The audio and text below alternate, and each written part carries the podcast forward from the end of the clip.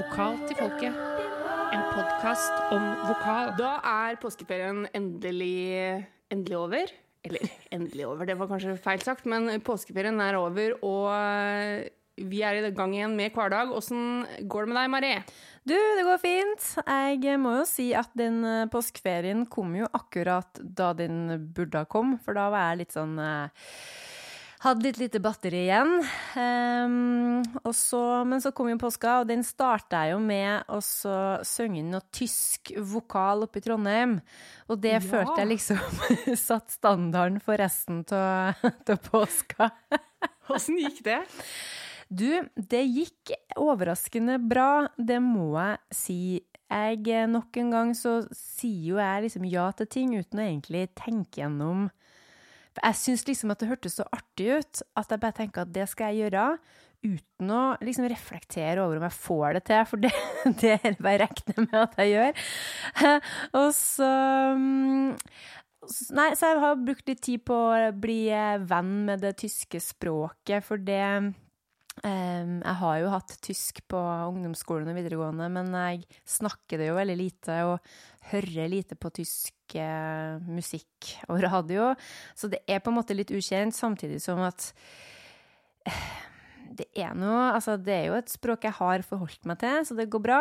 Men det som, det som eh, er utfordringa, er jo på en måte å um, Litt sånn som vi har snakka om før, det der med å ta på en måte uh, den engelske eller amerikanske liksom, estetikken over i det norske. Da. Hvis du f.eks. skal gjøre soul på totning. Mm. Eh, og nå var jo ikke det her soul, da, det var mer sånn prog rockaktige greier. Men det å klare å liksom, bevare sin egen musikalitet på et språk du ikke kjenner så godt, det var jo litt sånn utfordrende til å begynne med. Men så um, føler jeg sjøl at jeg fant en måte å um, ja, og så Jeg klarte på en måte å ikke tenke så mye på at det var tysk, men heller bare tenke på at det her er jo det jeg skal formidle, jeg vet jo hva ordene betyr, det her er det, det, her er det jeg skal si. Hvordan ville jeg ha gjort det om det var liksom på norsk eller engelsk? Og så Ja, så jeg syns, eh, jeg syns egentlig det gikk bra. Nå er jo heldigvis ikke det her sånn type musikk der man driver og så altså som i soul og, funk, der man driver og sier ting innimellom. På en måte liksom bare Yeah, get on the dance floor. Mm -hmm, you can do this. Det er ikke sånne ting, for der hadde ikke jeg hatt så mye å Hadde ikke hatt noe å komme med der. så ja. Og så tenker jeg jo at når, hvis, det her, eh, hvis noen tyske folk hører på det, så vil de nok høre at det er ingen eh, det er ingen eh, tysktalende som har gjort det. Det er sikkert farga av eh, den norske, eller den trønderske, liksom. Det ligger sikkert noe trøndersk inni der, men det, det skal jeg alltids klare å stå i, for det er jeg på en måte klar over. Den ene teksten vet du, Karina, den var jo på sånn høymiddeltysk, sånn som de snakka i Tyskland på 1100-tallet. Ja, men da er jo ikke sikkert tyskere i dag heller vet hvordan det var. Nei, det var, det var litt krøkkete, det må jeg innrømme. Men så hadde jeg eh, noen jeg kunne på en måte høre etter, da, sånn at det gikk, det gikk tålelig greit. Så ja, nei, så det, det var egentlig Det var helt strålende. Progg og så påsk. Det er sånn vi gjør det i Trøndelag, tydeligvis. Ja, tydeligvis. Men når du, synger, når du, synger, engelsk og norsk, for du gjør jo begge deler, du, føler du der at du har den samme identiteten? Bare når vi er innpå der, det hadde vært interessant. Ja, ja vet du, det, det syns jeg absolutt, altså. Eh, det er på en måte musikaliteten som, eh, som, står i front, og måten jeg bruker stemmen på. Og så Ja, og noen ganger er det norsk, og så er det er det engelsk, og nå er det tysk. Og det skal sies at nå er jo jeg ganske sånn eh, tydelig og direkte i måten jeg synger på, og det tyske språket passer jo så godt til det. Jeg følte meg altså så kul enkelte plasser når jeg bare dreg på med, med litt sånn militant tysk. Det passer meg egentlig bra. Og tysk er jo som sagt det, det er et språk jeg på en måte jeg, jeg, kan det jo litt. Det hadde vært mye vær hvis det var fransk. Det har ikke jeg snøring. Altså, jeg sier liksom bonjour, og det er det. Italiensk kan jeg heller ikke så veldig mye. Liksom gelato, men du kommer ikke så langt med det i progverden. så, så, jeg føler egentlig at det her var, det her var helt topp. Ja, så gøy. Jeg gleder meg til å høre. Ja. Det blir, eh, det blir spennende. Det blir det. Men du, altså, hvordan, eh, hvordan har påska di vært? Har du gjort noe spennende? Påska mi var bra. Jeg har vært eh, en liten tur i utlandet, på Mallorca, og besøkt min søster. Så det har vært eh, veldig trivelig, rett og slett. Jeg har hatt synge, litt sånn syngestopp, og det tror jeg har vært bra, fordi jeg var på en øving rett før påskeferien, og det var den første etter covid. Um, og det var ikke en sånn kjempebra opplevelse, må jeg innrømme. Det gikk da var jeg fremdeles litt groggy, da, skal sies. Så jeg tror det er bedre nå. Men, eh, men mm, ja. Nei, den fine, finmotorikken var ikke helt eh, på plass. Altså, det gikk veldig fint å synge Tina Turner, liksom, men når det kom til ABBA, eksempel, eller litt mer sånn pop- poppa ting, da, da var det stress, altså. Så eh, ja. Det blir spennende hvordan det der utvikler seg. Men som sagt, da var jeg fremdeles litt, grann, litt grann groggy. Så vi får satse på at det er bedre nå. Men eh, det er jo spennende å følge med videre på denne påsketrilleren. Ja, ja altså det Min har landa helt fint igjen nå, altså. Ja. Ja, Så men nå, ja, men nå hadde jeg, jeg hadde jo coviden i januar, og nå er det slutten av april. Eh, og, og nå føler jeg at det er helt vanlig. Dybden er tilbake igjen, så nå Ja, er det bare å komme seg, komme seg ned i kjelleren.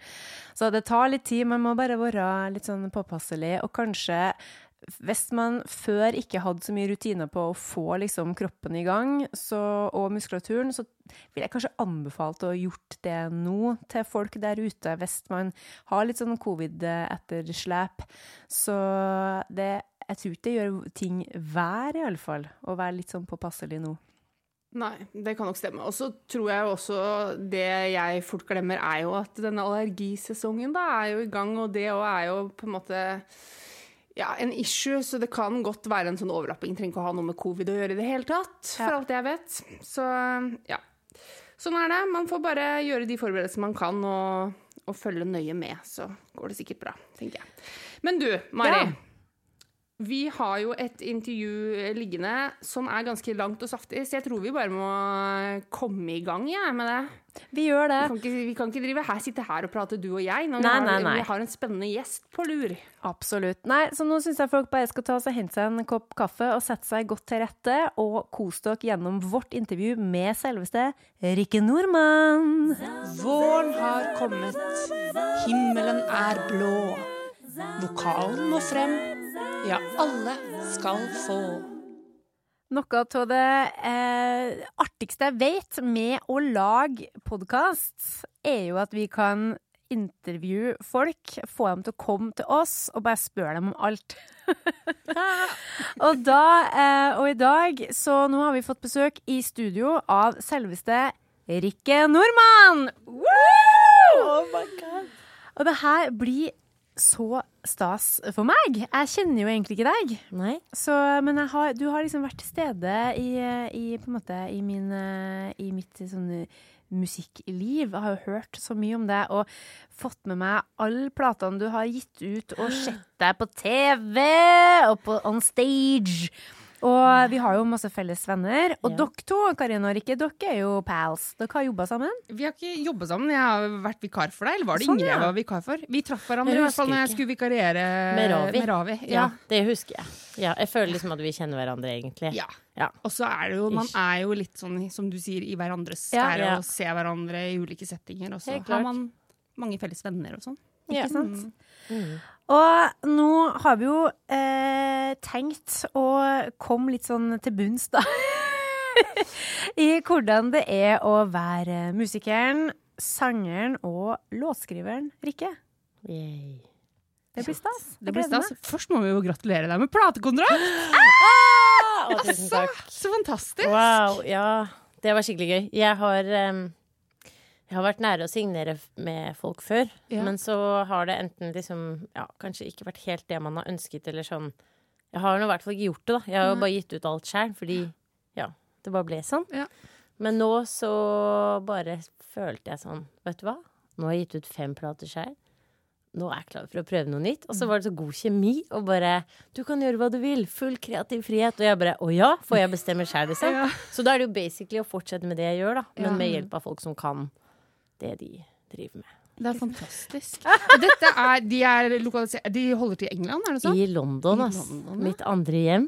Ja. Ja, så ja, det for du, har, har du kontakter der, eller har du vært Jeg har bodd der da jeg var liten, så det begynte der, liksom. Det er egentlig det, Ja. det stedet jeg husker som på en måte min, mitt barndomssted, er London. For vi bodde der da jeg var liten. Og så bor søsteren min der fortsatt, og i voksen alder. Og så eh, ja, reiser jeg frem og tilbake. Jeg har alltid følt jeg egentlig burde bo i London. Ja, Så det passer veldig bra Ja, at de er lokalisert der. fantastisk. Ja. Hvordan fant dere hverandre, da? Er det Du, det er veldig rart, fordi eh, det er tilbake til søsteren min igjen, som eh, Hun jobber egentlig med å liksom connecte folk, da, i en helt annen bransje. Men hun er jo da veldig sånn alle antenner ute, hva skjer i London, veldig på. Ja. Og så er hun medlem av en Medlem av? Ja, hun er med på en side som heter Norwegians in London. Hey. Og der eh, tok eh, min nye eh, labelsjef Hva kaller man det? Ja. Ja. Labelmannen. Han skrev Hei, kjenner jeg noen artister som spiller i London? Og så skrev søsteren min Jeg er ikke artist, men søsteren min er det. Hun spiller litt i London og bla, bla, bla. Og så satte hun oss i kontakt der, og så møttes vi forrige gang jeg var i London. Og da visste ikke jeg egentlig at han drev et label, for å være helt ærlig. Jeg bare trodde Ja. Det er typisk meg, da. Sånn, jeg vet jo aldri hva jeg går til, eller noen ting. Så søsteren min bare 'Vi må treffe han fyren her. Jeg, jeg tror dere må treffe hverandre'. Ja, ja. Og så ses vi på et typisk sånn der markedssted. Kaffe, og så bare har han label og leter etter en som meg, og jeg leter etter en som han, og så er det Det er fantastisk. Ja, det er veldig stas når noen tror på deg. Når de Ja. liksom bare blir gira, da, av at du har masse ideer som noen kan synes er litt overveldende, kanskje. Men han bare Yeah, vi kjører. Med på alt. Mm. Men har du jobba med noen før? Du sa jo du har gjort det meste selv, men har du hatt noen samarbeidspartnere, enten booking eller noe, eller har du liksom gjort alt for egen maskin til nå? Nei da, jeg har hatt forskjellige liksom, eh, samarbeidspartnere, men mest egentlig liksom promobyråer, da. Ja, altså jeg er mitt eget label. Det starta med liksom i var det 2011, tror jeg. Da het det Fonofile, det som nå heter Orchard. Ja, det Og nå eh, er det vel sånn at man egentlig må være et label for å gi ut noe gjennom dem, tror jeg. Men da var det sånn, altså Jeg logget inn Rikke Nordmann skal være med i Grand Prix med en sang hun har skrevet selv, sammen med Åste Sem. Ja. Og så måtte den jo gis ut da, på et eller annet vis. Ja. bare OK, Fonofile, gi ut sang. Logger inn der. Og da var det altså det var sånn at du kunne laste opp bilder med feil format. ja. Så coveret Jeg bare var et cover, jeg vet ikke helt. Så jeg bare tok pressebildet, lasta det opp der, så ble det sånn Most og strekt. Så, så, altså, Og så, ingen som ga deg liksom beskjed om at dette formatet funker ikke? Nei, for det var, jeg tror det var ganske sånn tidlig i liksom det der digitale utgivelsesgreiene. ja, ja. Så det så helt sjukt ut. Altså, når jeg har ledd så mye av det. Det var min første utgivelse på eget label. Og grunnen til at det ble sånn her, er fordi jeg eh, Jeg har kanskje aldri hatt den største selvtilliten. Og aldri hatt veldig stor tro på meg sjæl og tenkt sånn Ja, men det er jo ingen som vil jobbe med det her. Hvem vil jobbe med meg, liksom? Så da har jeg bare ikke spurt eller turt å spørre noen. Og bare OK, men jeg lager musikk, det kommer jo ut her, så da får jeg bare gi det ut sjæl, da. Ja. Og så mm, strekk bildet og inn. Veldig sånn skit fra hofta, indie-vibe. Å, det er fantastisk. Ja. Sjarmerende, det, da. Jeg kjenner meg litt igjen, sånn som når vi har satt og pusla med podkasten i starten. Ja. Det er noe med det at eh, ja, men det er, jo, det er jo ingen andre som eh, gjør det her, så vi må bare gjøre det sjøl, da. Ja, ja. Jeg tror det er fint å ha som drivkraft. ja, altså jeg er superglad for alle ting jeg har takket nei til, eh, og alt jeg har takket ja til, og liksom hvor jeg har endt opp nå i dag. Det er jeg sånn Det var kanskje litt sånn ubehagelig i perioder. Det er det jo alltid når man ikke er veldig sikker. Men sånn sett tilbake på nå, så er jeg sånn yes, ass. Altså nå Det jeg har gjort er hele veien, det som alle driver med nå, liksom. Gi ut selv. Ja. Ja, Men jeg tenkte jo i starten, som sagt, at det var fordi ingen ville jobbe med meg. Så jeg har ikke spurt så veldig mye heller. Nei. Og det har jeg skjønt at det må man jo faktisk gjøre. Så Ja. Du kan ikke sitte og vente. Nei, nettopp. Men samtidig så er jeg usikker på om jeg hadde vært, liksom vært der jeg er og gjort det jeg har gjort, hvis ikke det hadde vært for at jeg alltid har vært litt sånn awkward, da. Så Ja til å være awkward. Ja, Oh, yes. ja, jeg vet det er litt gøy, men det er også sånn altså, once awkward, alltid awkward, liksom. Jeg føler meg jo alltid rar, og at jeg ikke passer inn og liksom Men kanskje er det det som gjør at jeg er på min vei også, da. Ja. Så nå føler jeg liksom at ting stemmer mer enn ja, noen gang, egentlig. Og at jeg liksom har fått vært med på veldig mye fint fordi jeg ikke har gått tradisjonelle veier. Fordi jeg ikke turte, da. Ikke sant. Mm. Og du har jo gitt ut fem plater. Ja. Det er ganske mye. Det er helt ja, det er det. Fem For egen maskin, liksom. Det er eh, Det krever jo veldig mye drivkraft. Og når, når man da, som du sier, kanskje egentlig ikke har helt trua, eller liksom ikke vet helt, Ja. så hvordan klarer du å beholde liksom Vet du hva, driven? Jeg vet ikke, ass. Men jeg, for å ta det helt fra starten sånn, Jeg begynte ikke å synge fordi jeg ville synge. Jeg begynte å synge fordi jeg hørte sanger inni hodet mitt. Og det har alltid vært et sånt behov for å få det ut. Samtidig som jeg ikke skjønner hva jeg driver med før lenge etterpå. Så når du liksom er tre år, eller tre år på etterskudd av din egen hjerne, eller bakpå seg selv, da, så eh, får man jo gjort ganske mye før man skjønner at man har gjort det. Og jeg har jo jobba sammen med folk og sånn, men jeg har Altså, jeg skjønner fortsatt ikke at jeg har gitt ut fem plater, og jeg vet ikke helt hvorfor jeg gjør det. Det bare skjer, da. Ja. Men jeg klarer ikke å stoppe, og jeg har prøvd å slutte med det her fra jeg starta. Sånn ja, virkelig. Altså, jeg husker jeg var 17, liksom, og bare Nå er det nok! Nå vil jeg ikke drive med musikk! Jeg skal slutte å synge! Og så slutter jeg, og så går det en måned, og så begynner jeg igjen, liksom. Og så hver gang jeg liksom har vært i tvil eller syns at jeg selv er veldig ræva, da, som skjer ja, ganske ofte, vil jeg si, så prøver jeg å slutte. Og så ble jeg litt voksen, og så skjønte jeg at det er ikke noe vits å prøve å slutte. Det er bare bortkasta energi. Ja. Sånn, du kommer jo ikke til å slutte. Så da må jeg bare Da bare kjører jeg på. Jeg følger et eller annet som bare skjer naturlig, da. Ja. En drive, som du sier, som bare er der. Som jeg er veldig glad for. Ja, og vi er veldig glad for at du har. Men hvor lenge har du vært i liksom, musikkbransjen nå, da? Um, det Har du, har du vært i noen annen bransje? Nei. Nei. Jeg har aldri hatt en vanlig jobb. Eller jeg, jeg, har, jeg så på sånn der Nå er jeg permittert, ikke sant. Way, covid. Akkurat blitt medlem, holdt jeg på å si. Ansatt i mitt eget AS. Oi! AS! Wow! Ja, ja fordi kjæresten min Stian, han bare Rikke, nå, nå er det på tide at du blir AS, liksom. Det Du kan ikke være enkeltpersonsforetak med fem album. Altså sånn wow. Så da hjalp han meg i gang med det, da. Men nå er jeg jo da litt permittert, siden Ja. sånn er det jo. Ja. Hva var det jeg skulle si? Hva var det vi egentlig snakka om? Nei, jeg lurte bare på om du, Ja, hvor alt- lenge? ja, om du alltid har vært i musikkbransjen, om du har gjort noe annet, studert til å Sånn bli lege eller jobba på Nei. eh, Kicks. Og det var sånn jeg kom på det. Fordi nå når jeg ble permittert og skulle sende inn sånn greie til Nav, Ja. da kom jo CV-en min opp. Og den er jo eldgammel, fra jeg var 16 eller noe sånt. Så der ser jeg Og jeg har jobbet på Baker Hansen. Yes! Ja. Litt rann, deltids eller vikar eller hva det var. Og litt sånn småting, da. Men jeg har basically aldri hatt en vanlig jobb. Nei, så Så jeg har sunget fra Ja, fra jeg kom tilbake fra Leeds i 2006. Så gøy! Fortell alt! Jeg skjønner. Men altså ah, men har, du- har du gått noe utdanning, eller har du liksom bare kjørt på? Jeg har eh, studert eh, musikkproduksjon Ja. og låtskriving. Bombe. Eh, først på gamle NIS. Ja. Og så Der også var det sånn jeg bare Å nei, jeg tør ikke søke, fordi jeg kommer jo ikke til å komme inn. Så da venta jeg et år før jeg turte å søke, fordi jeg alltid har vært så livredd for alt som er nytt eller sånn. Og så søkte jeg der, og så kom jeg jo inn da. Ja. Og så husker jeg at jeg bare fikk helt sånn Jeg bodde i det studioet de hadde der. Disu, som det het. Ja, ja, ja. Digitalsuite. Men var det på Grønland? Var Ja. det der? fra- Ja, jeg er Christian også på. NIS. Ja, ikke sant? på, Det var der. på populærmusikkstudiet, da. Ja. Ja. ja, det var vel det jeg gikk, jeg òg.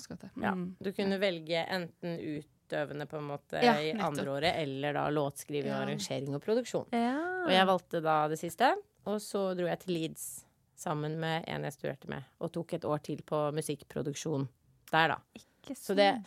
Men det er, jeg, jeg vet ikke om man kan kalle det en utdannelse. Det har jo lært meg masse ting, Ja. men jeg har ikke noe papir man kan bruke til noe. Nei. Nei. Nei, men de papira. Man trenger jo egentlig ikke dem. Nei, nei.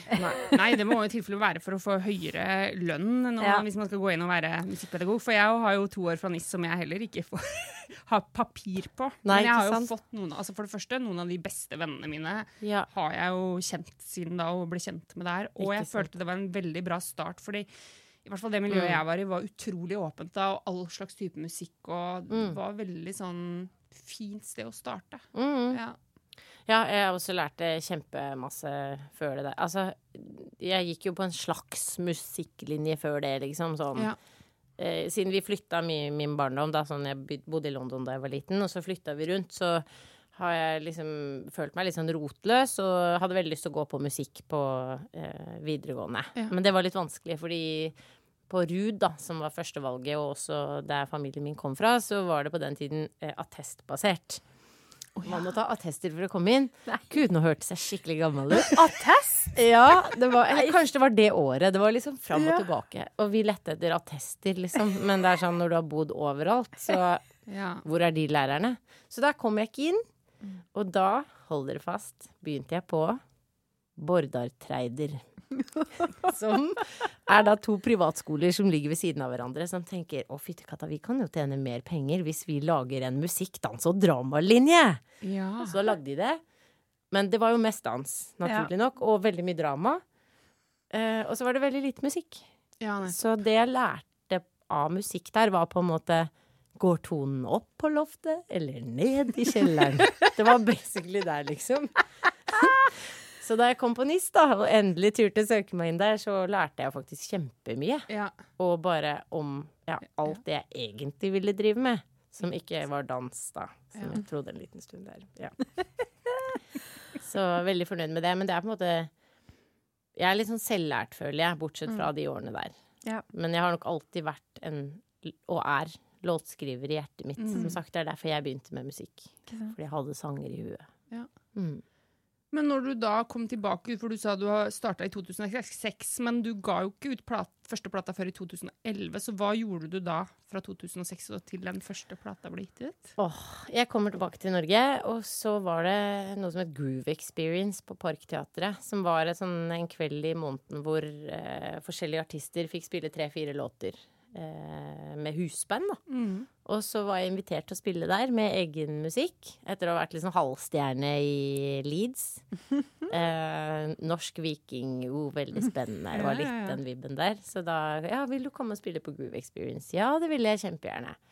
Og så spilte vi der, og det var gøy. Og da kvelden var over, så sa Ingunn, som eh, var sjef i korrekka, eh, til en av de andre at liksom shit, alle koristene hadde sluttet.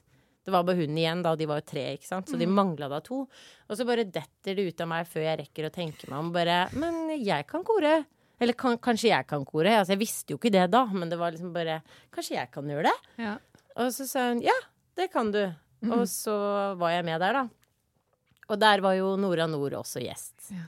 Og det er på en måte starten på min eh, sangerkarriere, vil jeg si. For hun eh, gjorde det jo veldig bra rett etter dette. Ja. Og tok med seg da den koristrekka fra Groove Experience ut på turné, rundt i varebil. Kjørte, spilte bluesfestivaler og rundt omkring i hele Norge. Jeg husker hun var ganske svær hun, på den tida. Ja, hun var svær, Ja. ass. Så det var skikkelig eventyr, liksom. Og det var veldig korte kjoler. Og paljetter og høyt hår. Og vi spilte Øya og holdt på, liksom. Det var Ja. svært. Ja. Og så så Jarle Bernhoft eh, korrekka, Ja. og så ringte han meg plutselig en dag. Ah! Og så Ja, fy, tror du, eller? Altså bare Hei, det er Jarle. Akkurat sånn! OK, Jarle Ja. Bernhoft. Å ja, å ja. Å ja. bare, Jeg vil gjerne ha med deg og de to andre som jeg så i Trondheim, bla, bla, bla, på turné neste år. Og så var vi med da, og da var han kjempesvær, liksom. Ja.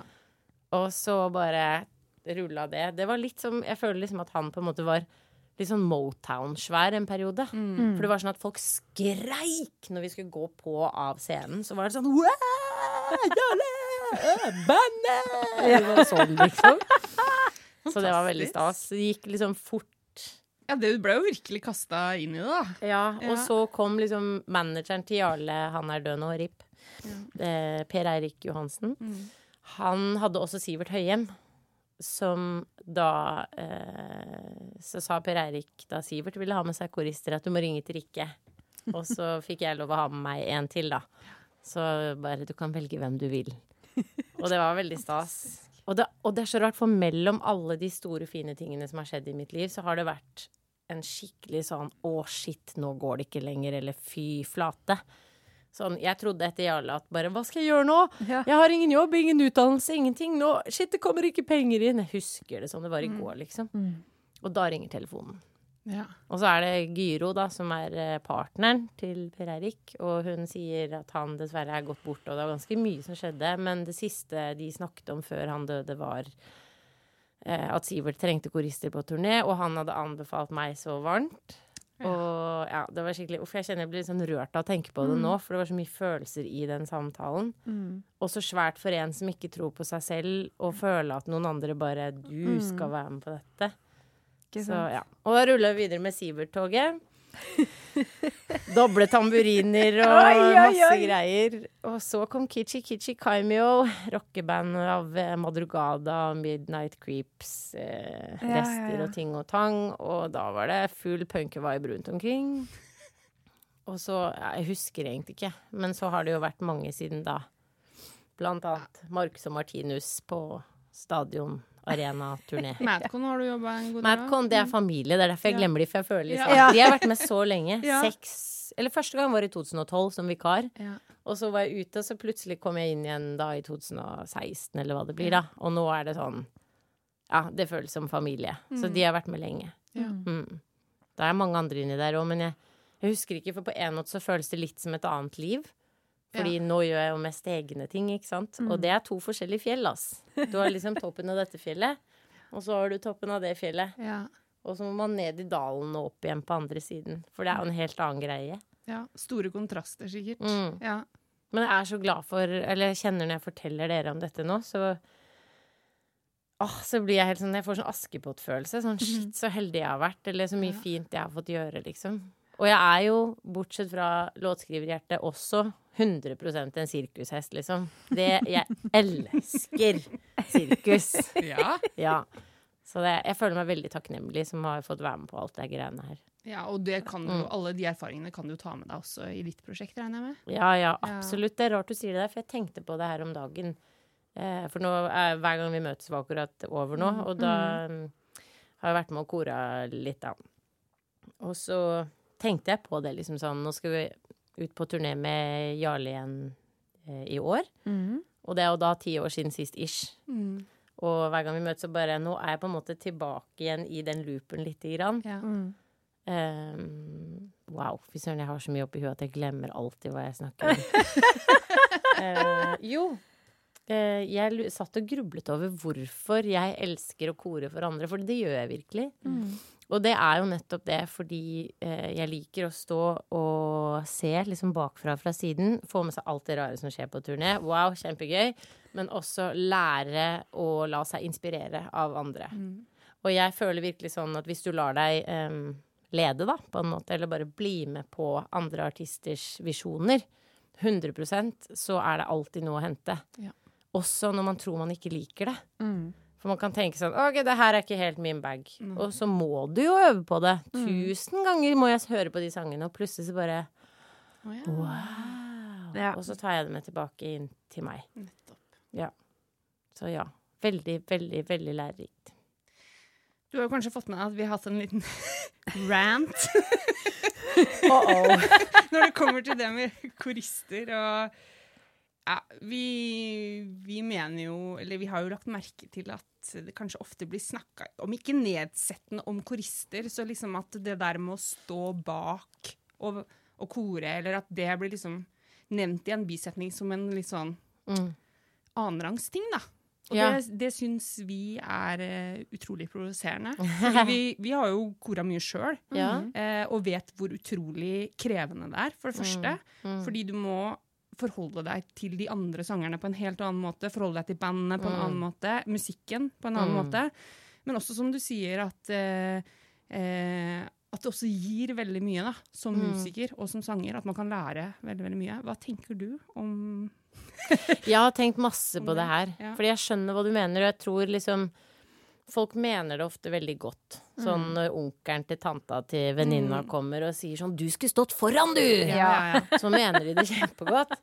Men folk bare skjønner ikke at det er to forskjellige roller. Ja. Det er ikke nødvendigvis at man ikke tør, eller ikke er bra nok, eller Det er to forskjellige jobber.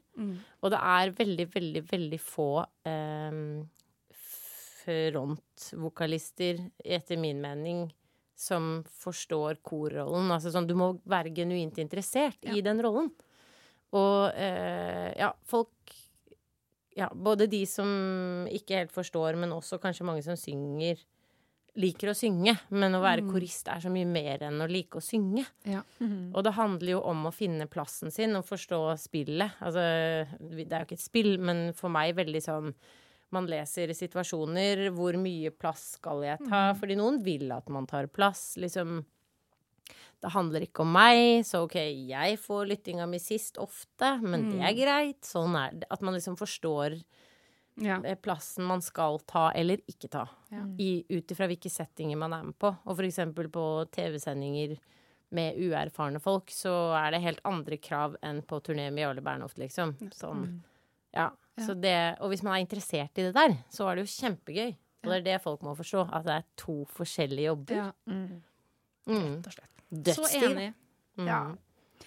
Ja, nei, det, vi er så hjertens enig i det jeg sa det, men det var bare Vi ble Vi hadde jo i fjor i spalten vår 'Vokal til folket reagerer', der vi på en måte da eh, Og den, den er ikke død. Den kommer nok tilbake Neida, hvis vi blir eh, Provosert. Ja, ja, ja. Ja, men det er bare noe med det at eh, fordi Litt sånn av res respekt, da, for korister, Mm. eller òg eh, bandmusikere, ja. i sånne TV-sendinger der det på en måte hauses opp den derre Mm. personen i front. Og den personen har jo ikke gjort noe.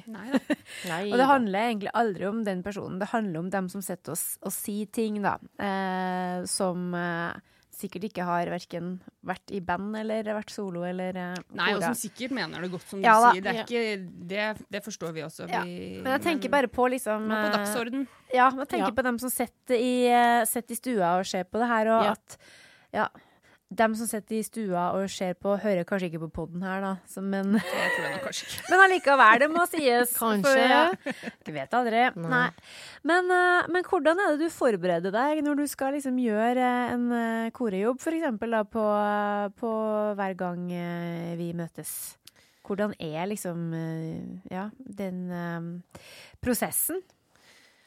Prosessen Altså, jeg husker helt i starten da jeg begynte, eller traff eh, andre som koret, så var det en som ble en god venninne som sa 'kom forberedt', tidsnok, Mm. og eh, vær lett å ha med å gjøre. Og det er på en måte de tre Det har jeg alltid bare hatt i bakhodet. Og prøvd å leve etter. Så bortsett fra Eller det er jo levereglene. Så er det jo å niøve. Pugge tekst. Ofte. Fordi melodi setter seg veldig lett for min del, eh, heldigvis. Og mm, tekst eh, gjør vel egentlig det òg, men der har jeg triks, liksom. Og det Jeg, jeg kjører mimeleken. Det er eh, mye kroppsspråk og tegninger, da. Sånn hvis for eksempel ord Noen ting er jo veldig lett, ikke sant. The sky, eller Mm. waves, eller noen ting kan du på en måte tegne enkelt med armene. Ja, Men så har du sånne ord som er like, som begynner på bokstav Eller som- er mye vanskeligere å tegne. Mm. Og da, hvis det begynner på C, så må jeg noen ganger liksom lage en C sånn her fysisk Jeg tror jeg liksom øver inn ting veldig visuelt, da. Ja, Ja. ikke sant? Så liksom gjør jeg sånn I, så lager jeg kanskje en I med fingeren. Mm. Si Ja, Mu. Og så er det rett og slett mime. Er dette miming? Nei. Hva heter er det? en slags koreografert Charades. Tegnspråk vil jeg òg Ja. egentlig kalle det. Ja. Tegnespråk! Ja. Det er det vi leter etter. Ja. Dårlig, eller ikke ekte tegnspråk, Nei. men ja. Ja, men jeg skjønner jo hva du mener. Det er jo mimeleken, eller Ja. hvis du skulle mima det til noen andre. Mimeleken. Ja. Mm. Så sånn øver jeg inn. Og så hører jeg på det tusen milliarder ganger Ja, i loop. sant.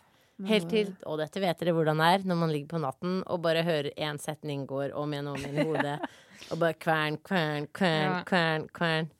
Så det er på en måte sangteknisk. Mm. Eh, og hvis jeg skal spille ting, Ja. så um, så tror jeg jeg har litt sånn fotografisk minne på henda. Mm. Sånn det hjelper ikke meg så mye den blekka. Det er, jeg må liksom huske det, se på hendene mine. Og så husker jeg stillingene. Fordi jeg er jo veldig selvlært når det gjelder eh, det som skjer i henda her.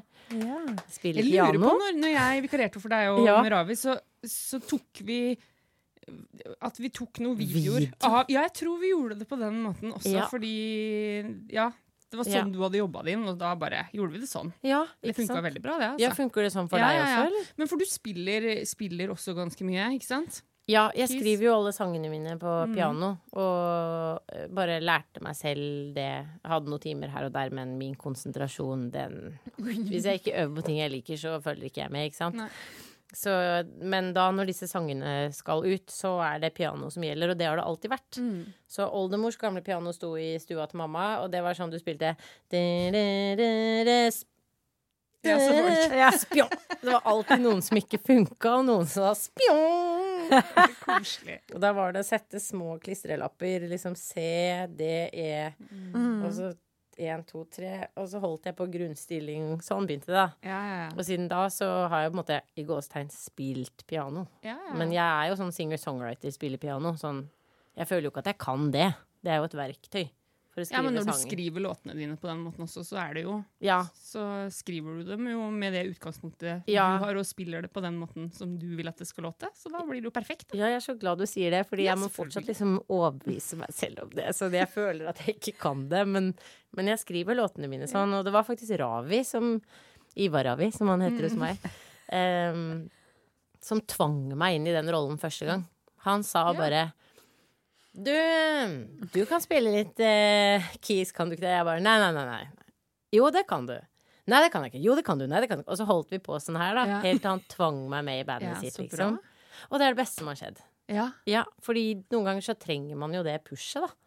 Og etter det så Og kanskje jeg skal spille litt selv på egne låter òg. For du hadde ikke spilt på egne låter før det? Nei, jeg turte ikke. Selv om på min nisseeksamen så sa sensor da Heine Totland. Han var sensor. Og det kommer jeg aldri til å glemme. Han sa For jeg spilte én låt på piano selv, og han sa du skal synge og spille piano. og så gjorde jeg jo ikke det, da. Du må høre på Heine. Ja, jeg Nå, nå hører jeg på Heine. Ja, det er bra. Ja. Men sånn, jeg gjorde aldri det. Men så viser det seg jo da at det er fortsatt det som gjelder. Det er jo det det alltid har vært. Mm. Meg, sangene og et piano. Ikke sant. Så Man må jo av og til liksom møte seg sjøl litt i døra, og, eller gå noen runder før man Ja. opp der. Og så skjønner man ja, men selvfølgelig. ja. Selvfølgelig må det være sånn. Og så vet dere hvordan det er. Sånne der jenter som spiller instrumenter. Ja, det kan være litt sånn at folk bare De er ikke bra nok. Ja. Eller sånn for eksempel Ref, et band jeg elsker, Haim, liksom. Ja, Som bare Altså, jeg syns det er så Jeg elsker Haim. ja jeg også elsker det. Og jeg husker første gang jeg så det, så var det mye sånn De spiller ikke så bra. Liksom, det er alt Så altså, Det er jo apropos rant og ting vi må Ja, ja, liksom ja. kjempe Ja, ja. mot. Ja, vi må, vi må ofte spille liksom dobbelt så bra som gutta for at det skal eh, være Ja. greit. Ja, og samtidig også sånn som du sa, da, sånn kan man ikke få lov å spille som en låtskriver, da. Sånn, det gjelder jo gutta også, eller Ja, uansett. Liksom sånn Ja, Paul Ja. Simon, nå vet ikke jeg, kan hende han er dritgod til å spille gitar, men jeg innbiller meg at han er låtskriver-gitarist, ikke virtuos, liksom. Mm, ikke sant? Nei, det, Det må jo, være lov, da. Ja, det er ulike utgangspunkt. Mm. Men det er veldig interessant å høre deg snakke om den usikkerheten som ligger i bånn. Den derre låta di 'Unfollow'. Jo, du har litt, Vil du fortelle litt om den, kanskje? Nei, snakk du. Jeg jeg kan snakke? fortelle, supplere etter hvert, eller si hva ja, du skal jeg, si. har jo, jeg, jeg så jo Rikkes prateshow, eh, hvor du snakker om den låta, at du skrev den fordi du noen gang kjenner at, Mm. at eh, det blir litt for mye å ta inn på en måte og følge andres Mm. suksess, da, og mm. se hva andre får til, og at det kan gjøre at du eh, både kanskje blir eh, litt misunnelig, som Ja, ja, du sa. ja, det eier jeg Mhm. 100% Ja, mm. men at, at, og at den misunnelsen også kan på en måte gjøre at man blir litt nedfor, og at man mister litt inspirasjon sjøl. Mm. Men jeg syns det er så interessant hvordan du på en måte kan ha den tvilen, men likevel Jeg føler jo at Altså, når du ga ut den låta og snakka om dette, så hadde jeg Jeg kom aldri så langt, men jeg kan si det til deg nå, at jeg hadde så lyst til å sende deg en melding og si er det noen som jeg, jeg ikke aldri vil unfollow, så er det deg. Fordi, Åh. ja, men fordi det er så utrolig inspirerende å følge deg på sosial Og uansett hva du får til, så blir jeg bare så glad av å se hva du får til. Fordi du er så utrolig Jeg vet ikke. Du gjør det på en sånn fin måte uten at det er noe sånn derre høy på deg sjøl. Men du får likevel til så mye, og så er du så utrolig kreativ i liksom påfunnene dine, både med Rikkes prateshow og disse her husturneene du har hatt. Altså, hvordan, kommer du, hvordan klarer du å finne på alt dette når du samtidig da sliter med at eh, å, det kan være vanskelig å beholde driven? Jeg tror eh, For det første må jeg bare si Jeg blir skikkelig rørt når du sier de Ja. tingene der. Sånn, det betyr så masse, liksom. Sånn, fordi det er jo helt likt fortsatt, og det vil alltid Ja. være det. Og jeg tror det er grunnen til at jeg kom på ideene, fordi eh, jeg føler jo at jeg ikke ikke er, er bra nok til å gå de vanlige veiene, kanskje. Da. Eller når man ikke har det mindsettet. Det er ikke det at jeg, fordi jeg, nå har jeg bare liksom editert selvsnakket mitt. Sånn man må slutte å dra seg selv ned. Uansett Mm. om jeg er usikker, så hjelper det ikke å si det, liksom. Til seg selv, da. Så, men jeg tror grunnen til at jeg har funnet på alle de tingene, er fordi jeg har tenkt sånn mm, Jeg har også lyst til å spille konserter med egen musikk, men ingen vil booke meg, eller For dere vet hvordan det er. Man Mm. booker jo det som er hot, eller de Ja, som lar seg booke sjæl, for eksempel. Sånn at man kan ta imot telefonen. Det er jo det er ikke plass til alle på en gang. OK, jeg har lyst til å dra på en turné. Eh, og så syns jeg det var superflaut da jeg la ut den, den første annonsen til stuekonsertgreiene, liksom. For jeg bare OK, men hvordan kan jeg gjøre det her? OK, jeg tør så vidt å spille selv nå. Ja, og inne i huset til noen. Det er ikke så farlig. Ingen som kan kritisere deg. De som eventuelt vil ha besøk av meg, de vil jo det. Ja, ja. Og så skjønte jeg jo ikke hva jeg drev med, ikke sant. Får ikke det helt med meg, så da booka jeg bare dette greiene her med hjelp av en som er litt mer organisert i hodet enn meg, eh, kjæresten min. Og så plutselig hadde jeg sittet på P1, for dette var jo da rett etter et albumslipp som var promotert, så fikk jeg lov å komme litt på radioen og snakke, og alle lurte på hva er det du skal Jeg har hørt noe om en Facebook-post om stuekonserter. Så fikk jeg promotert det litt på radio, og plutselig var det liksom over 100 stykker da, som hadde signa opp for å få konserter hjemme. Fantastisk. Og da var det jo bare å dra. Ja. Så jeg tror ideen Å, shit, jeg var så redd. ingen vei tilbake. Nei, nei, altså, det, var sånn, det var det eneste jeg kunne gjøre den dagen. Sånn, Ja. Jeg var så Jeg grua meg så fælt. Og jeg var sjåfør, jeg var cateringansvarlig, jeg var management og booking og PR og alt, ikke sant. Og kjørte nedover. Den første var i Fredrikstad. Og det er langt å kjøre til sin første stuekonsert helt alene. Og skal være lydtekniker i tillegg. Og bare å, shit, pommes frites. Og jeg grua meg så mye. Og så kom jeg ned dit. Og det, i Fredrikstad er jo verdens hyggeligste folk. Ja. Så det var bare en så varm velkomst. Og så satt jeg der og så meg selv litt utenifra mens jeg spilte. Og det var ikke perfekt overhodet. Men de elska det.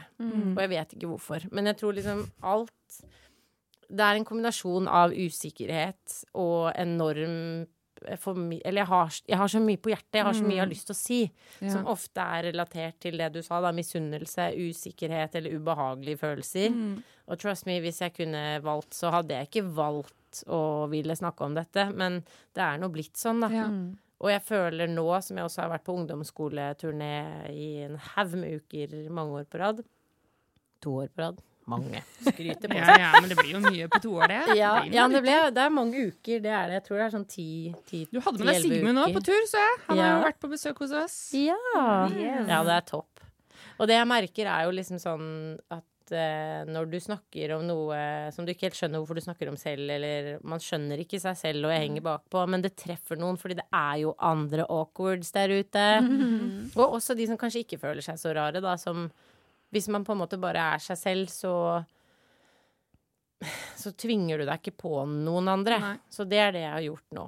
Og jeg føler meg fortsatt like usikker til tider, men det hjelper jo å få feedback på at man gjør noe som folk liker.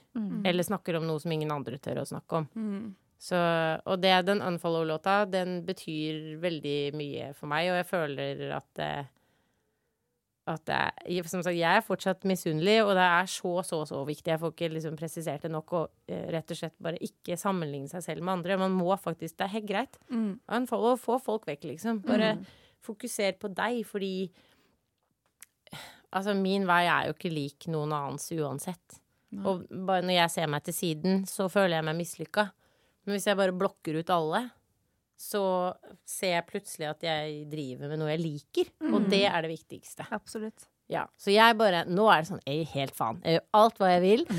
Og bare skyter fra hofta og tenker sånn Ja, jeg skal gjøre det her. Og driter i om det er bra eller dårlig. Ja. For hvis jeg liker det og syns det er gøy, så er det driven, liksom. Åh, Og da kommer prateshow og sånne Ja, Ja, ting. det er jo Ja, men det er så stas. Mm. Ja, jeg syns det er kjempeinspirerende å se hva du har fått til. Og da samtidig, når jeg da så at du nå eh, har signa med noen, og, Mm. og du får, litt, får noen å spare med, så yes. blir jo det fantastisk for deg. Det må jo Ja, noen som er med på alle de festlige ideene. ja, Det må du jo fortsette med. Ja, og det, men det var faktisk en av grunnene til at jeg ville signe med de her, eller han her, da, eller de her. Ja. Og det er jo rett og slett at eh, han sa til meg på det første møtet at sånn Jeg vil ikke prøve å temme din eh, drive og kreativitet og alle de gærne ideene. Liksom sånn, Jeg skal ikke stoppe deg, du skal få gjøre hva du vil. For det er jo ofte det at folk dreper feil. Man skal tøyle og, og liksom kanskje eh, kanalisere det riktig Ja. vei. ja. For jeg skyter overalt. Men eh, ofte så tøyler man Man eh, dreper glede og kreativitet Ja. når man skal tøyle noe. Men Ja. det eh, skjer ikke her. Og, så jeg blir liksom Hver gang vi snakker sammen, så kommer det tusen ideer til. Jeg blir Ja. så inspirert, liksom. Og jeg vet at jeg bestemmer. Og det er ikke for å bestemme, for det driter jeg i, liksom. Men eh, jeg føler i hvert fall at min visjon og kreativitet eh, lever sterkere etter hver gang vi har snakket sammen. Ja. Og det må jo være bra uansett. Om det går bra eller dårlig, det driter jeg i. Ja. Men jeg får gjøre hva jeg vil. Mm. Ja. Og, og med litt økonomisk hjelp, da. Sånn, Ja. Det er jo helt topp, fordi man merker jo det på lommeboka etter en stund. At Ja. man har Koster å drive betalt. sitt eget prosjekt. Det gjør det. Mm. Og ja, det, jeg kommer jo til å fortsette med det, og jeg syns det er veldig veldig gøy. Og jeg oppfordrer alle til å gjøre det samme. For det er jo fett å være Når du skjønner at du er liksom sjefen, du har på en måte litt ansatte. Ikke at de er under meg, men sånn Hei, jeg har en business som faktisk eh, livnærer folk. Sånn, de Ja. lever litt av meg. Shit, han her, han, han har tjent masse penger fordi vi har spilt. Eller sånn Ja. at man Ja. liksom ser at man, har en, man vanner en plante, og så Mm. var det ikke bare jeg som tullet med noe greier borti et hjørne. Nei. Men det er sånn shit. Jeg ansetter på en måte folk, eller har ansatte, uten at de er det. Det er veldig kick. Og jeg syns alle burde gjøre det samme. Bare fuck de vanlige veiene, det funker ikke uansett. Mm. Men du må jo ha litt is i magen, da. Ja. Når du på en måte skal skrive egen musikk Mm. og, og, og bruke penger på å få den ut. For Mm. det er jo av og til så føles det jo nesten som at man betaler for å få lov til å jobbe. Det, det tenker jeg ofte at jeg gjør. Ja, ikke sant? Og så plutselig så ringer ikke Jarle på et par ukers tid. Nei. Altså, altså, klar, hvordan, altså, hvordan klarer du det? Jeg eh, tror jeg er veldig heldig som har en hjerne som lever veldig i øyeblikket. Sånn, jeg, jeg forholder meg ikke så mye til tid langt frem. Sånn, så jeg tenker jeg blir bekymra, men så blir jeg ikke egentlig det allikevel. Og så det tok jo et år før jeg skjønte at det var krise sånn covid-wise, liksom. Men da tryna jeg. Sånn, først så bare Jeg vet ikke, jeg lever veldig mye i min- i mitt eget hode, tror jeg. Og da blir man ikke så bekymra. Jeg er jo verdens mest bekymra person på en måte, men samtidig ikke for det. Ja. Ikke for økonomi og fremtid. Det tror jeg kan være lurt, egentlig. Ja, det er Jeg tror det er litt uh, lurt. Ja. Og så får jeg jo litt sånn Jeg har hyperfokus på låtskriving, liksom. Sånn det er Når jeg kommer på at det på en måte er det eneste jeg har, da. Sånn når det er verst i mitt liv, de gangene det har vært helt forferdelig, så da klamrer jeg meg fast i pianoet, liksom. Ja. Og kommer på sånn Eller jeg har skrevet en låt om det som heter All I Got, blant annet, som er liksom bare OK, hvis jeg ikke har noe annet, så har jeg deg, da. Jeg har disse tangentene og det som skjer mellom meg og et piano. Og det gjør at man Da, da, da glemmer jeg alt. Ja. Og så bare fortsetter jeg. Og så er det bare å fortsette, da. Ja, Man må bare ikke, ikke tenke for mye, tror jeg. Ja. Nei, det er jo et godt råd, egentlig. For Det er er en som tenker for mye. Ja, men det er noe med at vi trenger liksom å høre det òg. Mm. Men altså, det har jo det Grand Prix. Det er stas. For å gå- til noe helt Yes! Ja, wow, wow, wow. Ja. Mm. Fortell. Jeg har vært med to ganger. Og den ene gangen så var det jo Eller det var første gangen så var det oss til Sem, da, Ja, og sagt. den sangen hørte jeg på i dag, for jeg hadde Ja. også og hørt meg opp for, å, Ja. for at hjernen min skal være liksom fylt av ditt sånn der musikalske univers. Oh my god. Og så Jeg husker det veldig godt da, den, eh, da dere var med, Mm. og så har jeg glemt den litt. Og så hørte jeg på den i dag, og det Altså, for en gøyal låt! Jeg føler det er jo 90-tallet. det er jo- Jeg hører jo alle mine sånn gamle sånn helter i der. Det er rått. Jeg, det er nesten så jeg liksom hører hvor inspirasjonen på en måte er henta Ja. fra. Og det er da jeg òg skjønner at vi kanskje er litt på samme alder. Ja. Ikke Men- Har du sett coveret? ja, ja, men jeg, jeg la ikke var- merke til at det var strekt. Nei, det var ikke det coveret. Det, det fins ikke lenger, det som Nei, er strekt. det finnes For det var bare digitalt. ja. Det var jeg- promobildet. Tatt sånn glossy sånn. Ah. Det måtte stå sånn harry. Ja, eller det er ikke helt min stil. Ja, for nå, Jeg var veldig klar for å gå til hjem og se på det etterpå. Men ja, nå, unnskyld, nå sporer jeg. det er borte. Å nei. Ja, Ja, nei, men det jeg, hvis, jeg skulle ønske jeg hadde bilde av oss, men dere får bare se det for dere. Liksom. jeg Men ja, det, Åste hadde fått tilbud om å være med i Grand Prix, og hun har sagt, eller hadde sagt nei mange ganger. Ville ikke.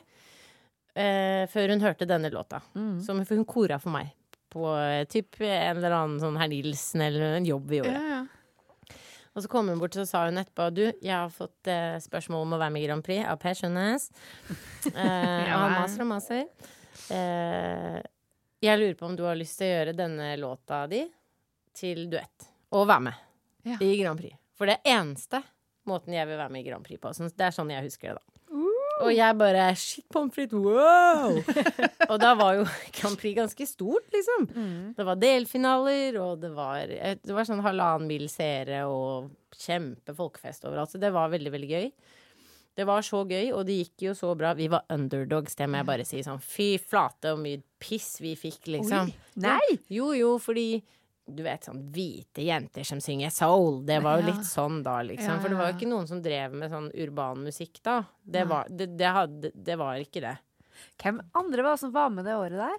Eh, Helene Bøksle, hun var i samme finale som oss. Hun var favoritten. Ikke sant. Og så var det mm, eh, masse andre kule folk, og det var veldig hyggelig og alt sånn, men vi merket at vi var litt underdogs. Ja, ikke sant. Så, men det som var, var jo at vi, vi vant jo den delfinalen med skikkelig landslide. Altså over Helene Bøksle, og det var det ingen av oss som trodde. Så vi satt jo der da de ropte opp sånn, for de roper jo opp tredjeplass, annenplass og så Ja, ja, ja. Så da det var liksom Helene Bøksle, og så gikk hun opp, og da satt oss da jeg sånn her en meter fra hverandre i green room oppå Ørlandet. Ja. Og så sa vi sånn Tusen takk for en skikkelig fin uke. Det her har vært så stas. Ja, ja, det var skikkelig gøy å være med, og vi bare Vi så ikke det her komme i det hele tatt. Så kommer det en fyr, manageren til et annet band, han bare går forbi full fart, og så bare klapser han meg på skulderen og sier sånn Dere vinner. Og vi bare Hæ, hva er det? Og vi var sånn takk for nå, klem. Ja, ja, ja. Og, sånn, og så plutselig bare Østerrike! og jeg begynte å hylgrine, liksom, og bare presterer å si til Anne Rimmen, som var programleder, bare Det må ha skjedd en feil. og NRK bare Å, fy faen, dette er TV-øyeblikk. Så den, det gikk reklame da mellom alle delfinalene. Sånn Det må ha skjedd en feil. Det var skikkelig og, og så fikk vi synge. Så det, det var bare wow. Det var skikkelig stas. Så stas at jeg sa ja til å være med året etterpå, da Per Sundnes ringte og sa Yes. Ring meg i morgen. Jeg har en idé. ja. Så da uh, var jeg faktisk med med en låt som Silja hadde skrevet. Det var før hun. Hun var med samme året. Det var liksom da hun kom til Norge. Og så skrev jeg den om til å passe meg, da. Og det gikk eh, veldig dårlig, men var veldig gøy. Fordi eh, For det første så var det jo gøy, for jeg fikk være Britney Spears for en dag. Altså, jeg hadde åtte dansegutter i King Wings crew. Oi. Jeg bare shout-out nå. King Wings. Kjempebra folk. Ja. Og de i koreografien, de løftet meg opp, Åh, sånn at jeg drøm. sang og fløy på rundt i taket. oi, oi. Oi, oi, Og så etterpå så skulle jeg gå under mens de kasta han ene over i sånn salto. Så ja, og det, det var så nervepirrende greier. Og på sending så Jeg husker ikke om jeg liksom, Jeg var litt seint ute til å gå gjennom den tunnelen, Oi så alle bare Og så gikk det bra. Ja, okay. Men det var, det var så actionfylt. Og det tror jeg er det nærmeste, som sagt, jeg kommer til å være som Britney Spears eller et eller annet i den greia. Og ja, så røyk jeg rett, rett ut på huet og ræva og ferdig med det. Ja, ja, Og- og det var veldig bra. Ja, Ja. det går bra. Ja. Det gjør det. Det er veldig gode minner. Men fy søren så heseblesende og hardt det er å stå i sånn derre live-TV-kjør og konkurranse og meninger når man er liksom ja, par og 20 eller sånn Ja. 24. Jeg syns ikke det var noe digg, liksom. Men hvis du sammenligner da det å f.eks. være med i Grand Prix og stå foran, da, kontra det å være en del av bandet og, og, være- og som korist For du har jo også vært med på mye sendinger, TV-sendinger som korist. Mm. Er det, hvordan er Kjenner du like mye på nervene eh, som korist, f.eks., eller er det en annen setting? Jeg har, det er en helt annen setting. Jeg har ing- egentlig ingen nerver som korist. Sånn, jeg føler meg veldig trygg i den rollen, og jeg har liksom embraca eh, Eller jeg har fått litt sånn omsorgsfølelse i den rollen. At jeg er der for, at, for å gjøre noen andre trygg. Ja. Sånn, jeg er støttehjul, og det liker jeg veldig, veldig godt. Så helt fra Ja, kanskje fra vi gjorde den eh, stadionturneen med Marcus og Martinus da de liksom breaka og var dritsvære, Ja, ja, liksom. Altså sånn to ganger utsolgt Globen. Det var helt vilt. Og altså, sånn, støpte Inner Purper ja. Ellers så hører du ingenting. Nei. Men fra da så ble det liksom veldig sånn Ja, du blir jo herda, ikke sant? Og bare det er dødsviktig at jeg er på plass. Skaper trygghet og leverer det som må til. Uansett. Og jeg hadde hatt lungebetennelse rett før den turneen. Og lungene dere, oi, de er vi veldig avhengige av. Det var så tungt, fordi vi sang liksom Vi dubba hele veien. Dubba lyd hele veien på alt. For de var i stemmeskiftet, ikke sant? Ja. Så jeg og eh, Mai-Kristin gønna på der. Ja. Ja, det er jo spennende leie sikkert også. Ja, ja. Mm. Og det, jeg jobba som en helt, men det er bare noe så tilfredsstillende å bare være Hva skal jeg si, sånn være på jobb, da. Ja. Og bare slite for at noen andre skal skinne, liksom. Det liker jeg. Og etter det så Ja, ingen nerver, som sagt, men bare veldig sånn yes, det gir meg noe å hjelpe andre. Mm. Mm. Bare shine, baby, shine! Og så står jeg bak og koser meg. Ja. Og ser på alt det rare som skjer i pausen. Ja, det vil jeg tro. Det, er, eh, det får bli en kveld med vokal til folket. Da skal vi få med folk som skal fortelle om eh, historier fra backstage. Åh, ja. Et lukka event. Ja. Kommer til å ta godt med penger, inngangspenger for det, folkens. Okay. Men det er bare å Det er gjøre seg klar. ja, absolutt. Det, må, det blir eh, en senere anledning. Men det er eh,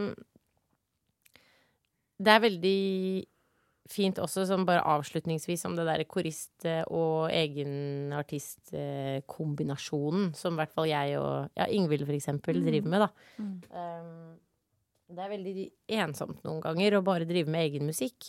Og være seg selv helt alene. Og jeg tror det også er grunnen til at jeg alltid har likt og syns det er gøy å yte for andre. At man er på et lag, man er sammen med mennesker. Eh, ja, det er jo på en måte sosialisering. Fordi nå under eh, åh, Jeg orker ikke dette ordet pandemi lenger.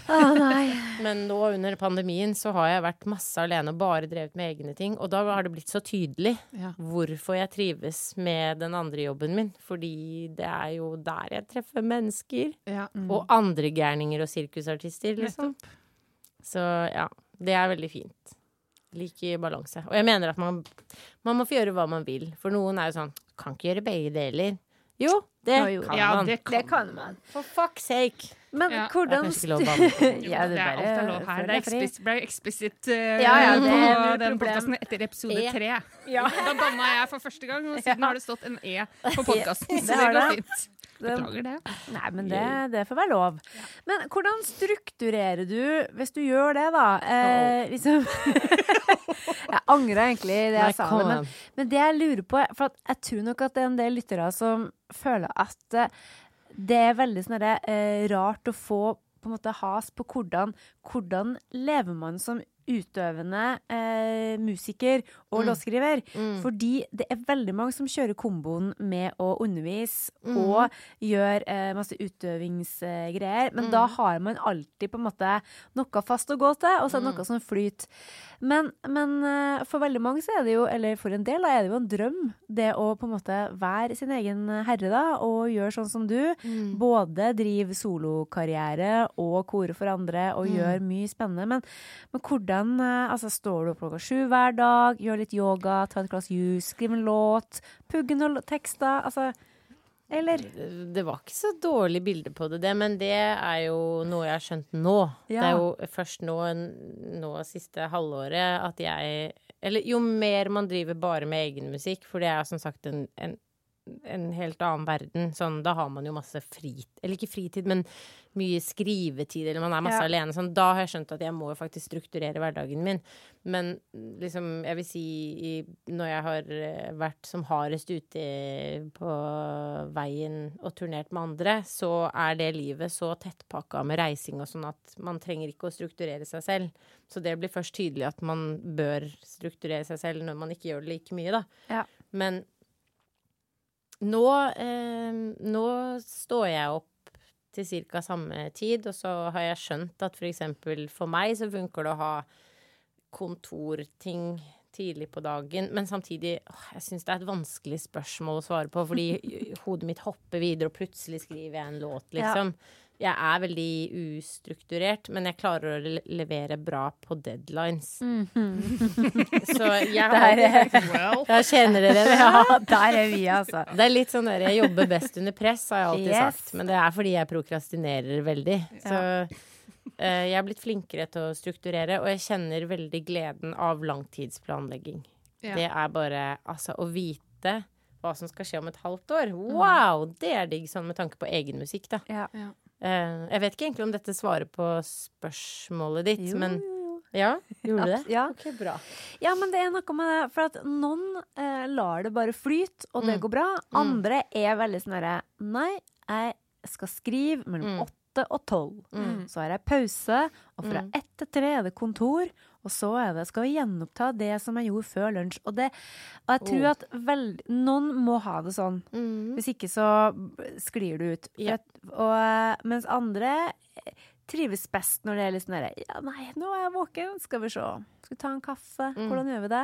Og for min del også, det der har variert veldig. Mm. Men, eh, men det eneste jeg vet, er at for at jeg skal få gjort noe, så må jeg ha, jeg må ha ei liste over hva som skal gjøres.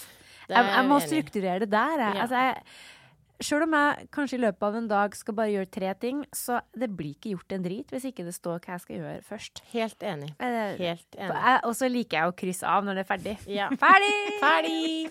Og deadlines. Altså det blir, hvis jeg skal Ja. Før så skrev jeg en del sånn korarrangement. Mm. Og da eh, får man jo gjerne sånn herre Kan det være ferdig slutten av mars? Den er grei! Ja. Og jeg vet at det nærmer seg. Ja. Eh, og så eh, siste ti- tida så har jeg blitt flink til det. Jeg starter. Mm. Jeg, sånn, jeg, jeg begynner på det og har kjempegod tid, så lager jeg kanskje liksom halve.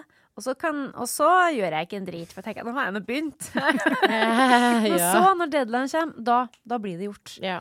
Og da, og da går det òg mye kjappere Ja. å få gjort det. Ikke sant? Fordi jeg kan ikke la hjernen min bli med på alt som den foreslår. Fordi Girl, jeg kjenner meg så igjen. Oh, Ja. ja. kan ikke ha for god tid, for da blir det, altså, da blir det Bohemian Rhapsody når du egentlig bare skulle arre liksom eh, Fy søren, jeg kjenner meg så dag. igjen i alt du sier her nå. Wow. Ja. Det er altså Jeg skriver alltid en låt, da. Det åh, jeg, det, det kommer ikke jeg unna. Så jeg prøver For jeg, jeg, med tanke på det du sier, jeg liker struktur, har jeg funnet ut. Lite grann. Men jeg må ha friheten til å bli med på låtskrivinga, for det klarer ikke jeg å presse. Nei. Det skjer når det skjer, liksom. Ja. Og det er ofte sånn Eller jeg kjenner, nå kjenner jeg igjen tegnene, fordi jeg blir jo veldig rastløs. Og så er det liksom Den setningen har gått i loop nå mange dager på rad, liksom. Og så um, plutselig detter det ut på ti minutter ofte, hvis det er liksom noe som er veldig ferdig produs Ja. prosessert. Så bare bla, bla, bla, bla, bla. Så da, da tar jeg meg frihet til å gjøre det da. Men bortsett fra den kreativiteten som må være litt sånn løs, så um, liker jeg litt rytme i ting, sånn som du sier. Ja. Og lister. Mhm. Kryss av. Det, ja, det hjelper. Mm. Altså, det der du sier med at det er noe som må ut Ja. Plutselig sånn der tekst eller et eller annet. Jeg husker, jeg husker ikke om jeg har fortalt det her før, men, men ehm, en gang så lagde jeg på en måte en låt ferdig i hjernen uten å Uten å synge den eller skrive den ned før, yeah.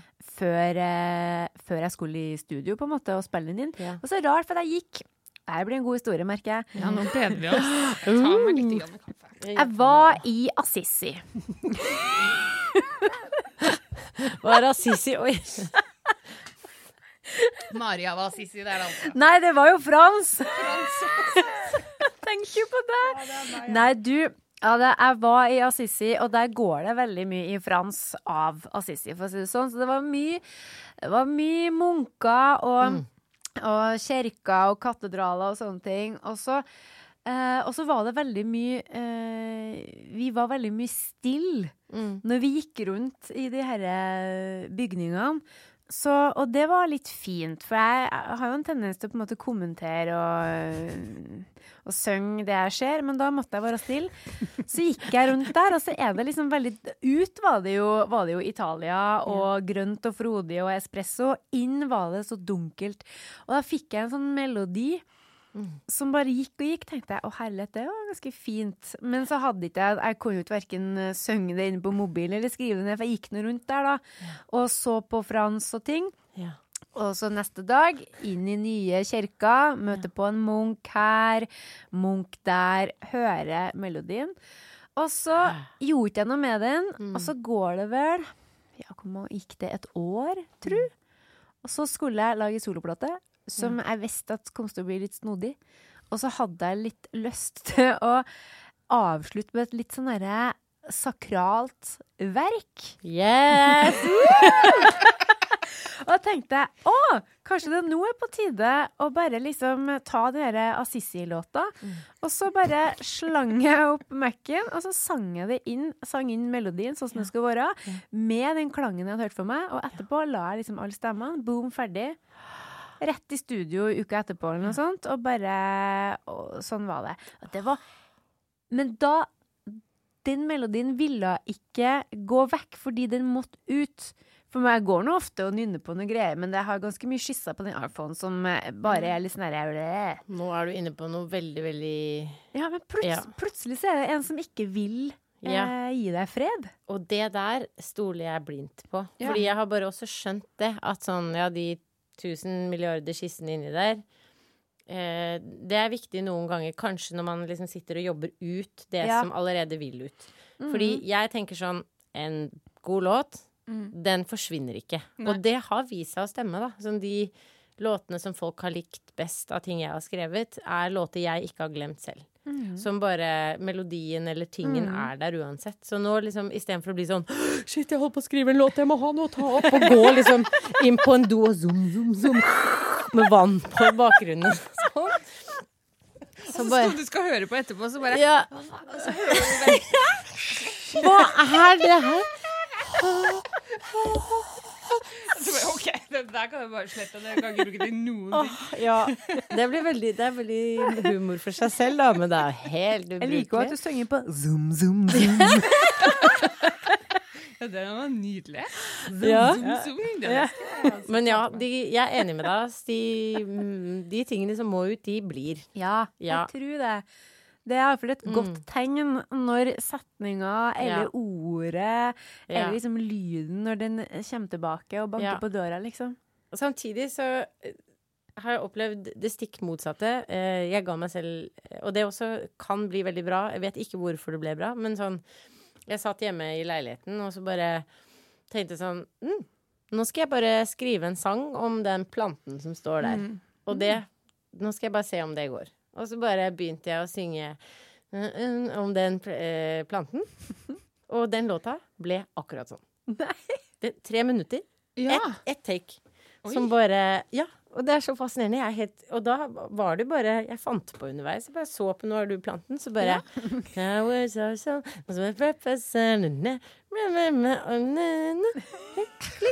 Og så gikk jeg til piano, og så prøvde jeg å finne ut av det etterpå. Så var det faen meg en hel låt. Og den har jeg spilt inn nå. Den kommer akkurat sånn som Hva heter den, da? Flowers. Så gøy. Ja. Så Akkurat det- sånn du spilte den inn Ja. der og da. Ja. Og, ja. Og det er ikke fire akkorder poplåt. Eh, Nei, nei. Det er litt sånn, sånn Litt mer sånn orkestralt. Litt rarere Det er en litt rar Skal vi si en blanding av en poplåt og en standardlåt, kanskje? Ja, oi. Ja, ja. Men, Så det er litt sånn Ja. ja, men sang du inn melodien, og det var derfor kordene på en måte måtte justeres etter det? Eller spilte du også samtidig? Nei, jeg spilte ikke. Jeg Nei. bare sang. Du bare sang melodien, Bare- så da måtte akkordene komme etter Ja. og tilpasse seg Og så tenkte jeg bare hva, hvordan skal dette gå, liksom, tenkte Ja. jeg. For det var jo bare melodi og tekst, og, og teksten også er basically det samme som første take i hjernen, hvis du skjønner. Også det var impro? ja. Ja, det var impro. Ja, Og så satte jeg meg ned, og så øh, hører jeg jo alltid hvilke akkorder jeg har tenkt. Mm. Og så noen ganger kommer jo folk på bedre forslag, sånn de gutta i bandet mitt veldig rå på det.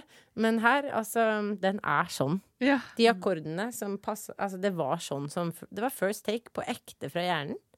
Så Det er så sprøtt! Åh, Så den- stikk motsatte, da. ja, Mm. den gleder jeg meg til å høre. Jeg er så klar for Ja. flowers. Jeg òg jo egentlig det. Vi har skrevet strykeart til den nå. Oi! Altså The Plot Thickens. Ja, så, mm, men det er litt lenge til det kommer, altså, fordi jeg er i ferdigstillingsprosess av en plate som plutselig er blitt til to. Oi. Eh, på grunn av disse låtene som skal ut. Så den kommer, og den er der. Eh, men først, neste fredag faktisk, så kommer det litt akustiske greier. Oh. Ja. Acoustic hits. Som jeg har sittet og spilt inn selv, da. Fantastisk. Og da vil det jo si at for de som hører på nå, så er det allerede ute, mest sannsynlig. Ja, ja for det. sant? Ja, ja. sant? Ah, fantastisk. Ja, De ja, ja. godsakene er Det er bare å gå og sjekke det ut! Ja. Altså, Lett. Gå på Rikkes profil. Sjekk etter noen malingflekker. Blå og hvite malingflekker, det er den låta. Oi! Ja. Vi gleder oss til det. Nydelig cover lagd av Synne Salvesen. Litt reklame nå. Ja, det må vi ha. Man må heie på Det mener jeg. Man må heie på um, Absolutt. Andle Andle? Andle.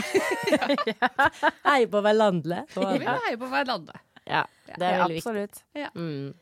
Men det her er jo en, en vokalpodkast. Ja. Så jeg lurer på, har du, har du tatt noen sangtimer? ja, Oi. det har jeg. Fordi jeg føler at jeg gikk gjennom et slags sånn stemmeskifte da Ja. jeg var sånn 16-17-aktig. Og da um, gikk jeg fra å høre på masse Whitney Houston, som jeg sang i sånn Sånn kjempelys barnestemme. Ja. Mm, og liksom musikalgreier. Sikkert fra London, ikke sant? Ja, ja, ja. ja. så plutselig så følte jeg at jeg klarte ikke å synge, og så ville de på Bordartreider der, når jeg gikk på videregående, de ville jo gjerne at jeg skulle synge operetter og klassiske ting. Ja vel. Ja. Men det var jo ikke helt meg, så jeg prøvde jo det, og det var sånn å fy faen, dette bør du fortsette med, men klarte ikke det, for jeg ville jo synge sterkt. Ja. Eller popmusikk, da. Ja. Og da sleit jeg litt med å finne ut av det. Så Ja. da eh, googla jeg faktisk Sangpedagog Oslo, og det første som dukker opp, er da en som heter Tracy Main. Ja. Eh, og jeg gikk til henne. Og hun hjalp meg på en måte over denne kneika og eh, lærte meg å finne meg selv på nytt, på en måte. da. Oi. Så da tok jeg sangtimer hos henne, og det er det eneste gangen jeg har tatt sangtimer. Men jeg føler virkelig at det fikk jeg så mye ut av, fordi hun sa du må aldri høre for mye på originaler. Eller sånn, da kommer du til å begynne å kopiere andre. Sånn ikke Du kan lære deg en låt, hør den tre ganger, og så får du heller spille piano og synge den. Og så må du finne deg i sangen istedenfor å kopiere en annen vokalist. Ja. Og med da de konkrete tekniske tingene, for det var jo mye sånn Ja, ja. Tonen skal ovenifra! Så hjalp hun meg gjennom det her. Ja. Og bare lærte meg helt vilt masse gøye ting. Ja. Og så føler jeg på en måte at jeg fant stemmen min. ja, Mm. ikke sant. Og etter det så ja. Men har du hatt noe sånn Har, har stemmen alltid vært liksom grei å ha med å gjøre? Du har jo sunget veldig mye, og på turné, Mm. og sikkert ikke verdens beste seng og god frokost og yoga og alt det der. Mye sene kvelder og sånn, ja. Ja. Em, det var vel bare da, når jeg fant ut av hvordan jeg skal synge, at Mm. jeg sleit litt. Grann. Da husker jeg jeg skulle være med i Kjempesjansen på NRK, Ja. om dere husker det programmet. Dan Ja, det Børge! Yes! Og um, eh, at jeg hadde sunget veldig mye i band.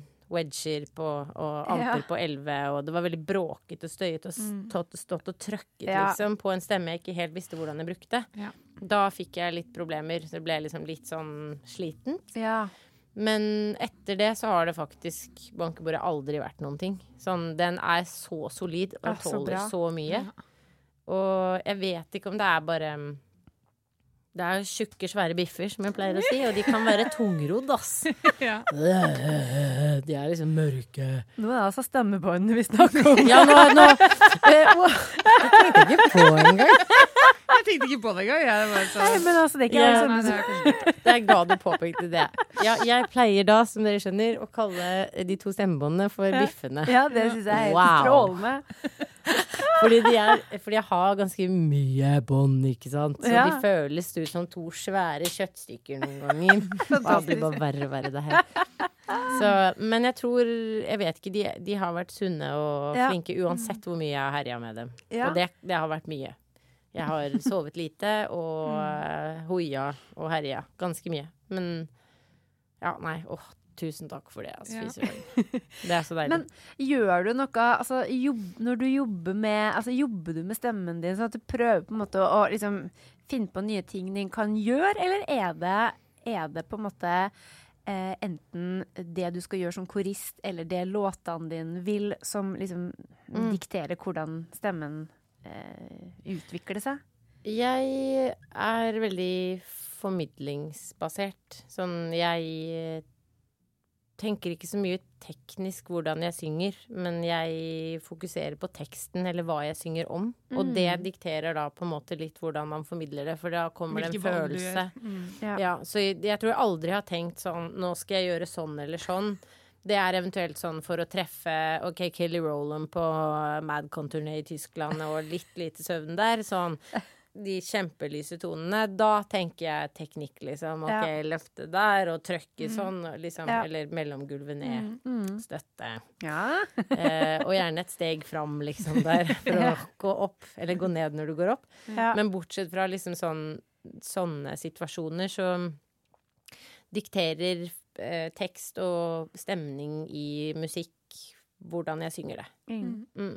Og som korist så føler jeg liksom at jeg kanskje naturlig bare tilpasser meg litt den som står i front, da. ja, ikke sant? At man bare Sikkert som Tracy sa den gangen, aper etter Ja. lead-vokalisten. Lite grann. Mm. Det er jo en veldig vanlig Ja. måte å Mm. gjøre det på. Når man er mange ulike korister, så må man jo på en måte finne, finne Ja. et felles sound. Ja, ja, Ja. absolutt. Uten at jeg kanskje Jeg tror ikke jeg har tenkt så mye at jeg gjør det, Nei. men det skjer av seg selv, da. Ja. På en måte. Mm. Og da kan det jo noen ganger være litt utfordrende Eller det har jeg faktisk kjent på, sånn å skulle lage masse egen musikk når du korer mest i perioder. At man glemmer litt hvem man er. Ja. Hvordan synger egentlig jeg? ja. Og det, da, det, da, da bare wow. studio, legge vokal. Grusomt. Verste Ja, du hater det! Jeg så er så- livevokalist, jeg. Ja. Altså, jeg hater å synge i Jeg studio. hater også det. Og det er veldig få jeg De fleste liker det veldig godt. Jeg, fø- jeg, jeg føler liksom Ja. at veldig mange jeg snakker med, syns det liksom er stas Ja. og syns det er lett, men jeg syns det er så vanskelig. Det er dritvanskelig. Ja. Jeg kan det bare sammen med band. Sånn, vi spiller inn plater, så er, spiller vi inn kollektivt som et band. Liksom sånn tre, fire, og så ja, og så er det live, for det er live-følelsen, på en måte. Ja. Men uansett hvor mye man liksom gjør ting med det etterpå, sånn jeg vil helst synge med bandet der og da. Det er da det blir best. Ja. Fordi jeg, jeg klarer ikke å synge i studio. Jeg skjønner ikke hvordan man gjør det. Nei, jeg syns det er forferdelig vanskelig sjøl. Ja. Så jeg har gjort det òg, og også på jobb for andre, men da føler jeg noen ganger at jeg bare putter eh, fingeren i øra og bare la, la, la, la. Håper på det beste. Ja, man må bare ikke Ikke tenke for mye. Nå er vi tilbake der. Ja. Jo mindre jeg tenker, jo bedre blir det. Ja. Og sånn tror jeg det er for mange. ja da, Mm. jeg tror, tror nok det. Det er jo liksom Musikk er jo følelser. Så hvis man da føler mer enn man tenker eller sånn, Ja. det, Dette føler jeg har lært av noen gode venner av meg. Sissy On og Siswe som synger med meg i Eller sang sammen med meg i Madcon. Og Maria, som er den siste. veldig sånn følelsesstyrte og emosjonelle sangere. Og det har jeg lært veldig mye av. Mm. Som bare ikke er redd for å ta plass. Og Nei. det er virkelig kanskje Ja, det er sånn kjempehett tips her nå. Ja. Ikke vær redd for å ta plass. Mm. Fordi man står jo ikke og er liksom selvsentrert allikevel, men man bare føler det 100 Liksom Ja. ja. Gi, tør å føle det litt, da. Ja. Ikke. Ikke tenk det. Og så skal jo teknikken, det har vi snakka mye om her i podkasten, at teknikken skal jo ikke er jo ikke der for teknikken sin del, den er jo der for å hjelpe deg å formidle det du vil. Ja. Så det er jo kun når du føler at å, jeg skal treffe den tonen fordi Ja. jeg ønsker det i musikken min. Ja. Da, da trenger du kanskje hjelp av teknikken, men, Mm. men man skal jo ikke gå og tenke på den Nei, i en formidlingssituasjon, eller Nei. når man musiserer. på en måte. helt Helt enig. Ja. Ja. Men jeg tror det er litt, eh, litt lett kanskje noen ganger å tenke litt for mye. Fordi man ønsker så inderlig å gjøre en god jobb. Mm. Ja. Spesielt som korist da, for andre. Og så er Mm. man eh, l- l- ny, og jeg har ikke jobbet med denne personen Ja. før. Og litt sånn Man blir jo litt sånn stramme rumpa litt fordi man vil levere, ikke sant? Klart det. Ja. Ja. Men noen ganger så er det det å tenke for mye på det som kanskje gjør, gjør det litt vanskelig, da. Ja, ja, ja. Ja. Helt klart. Så jeg, jeg har lært mye av de som bare er litt mer sånn go with the flow. Mm. Ja, på det. Vi må go with the flow, Mari. Ja, Altså, det må vi. men dere virker jo som dere go with the flow, da. Eller vi, Jo. er ikke, det er ikke ukjent for oss. Nei. Nei.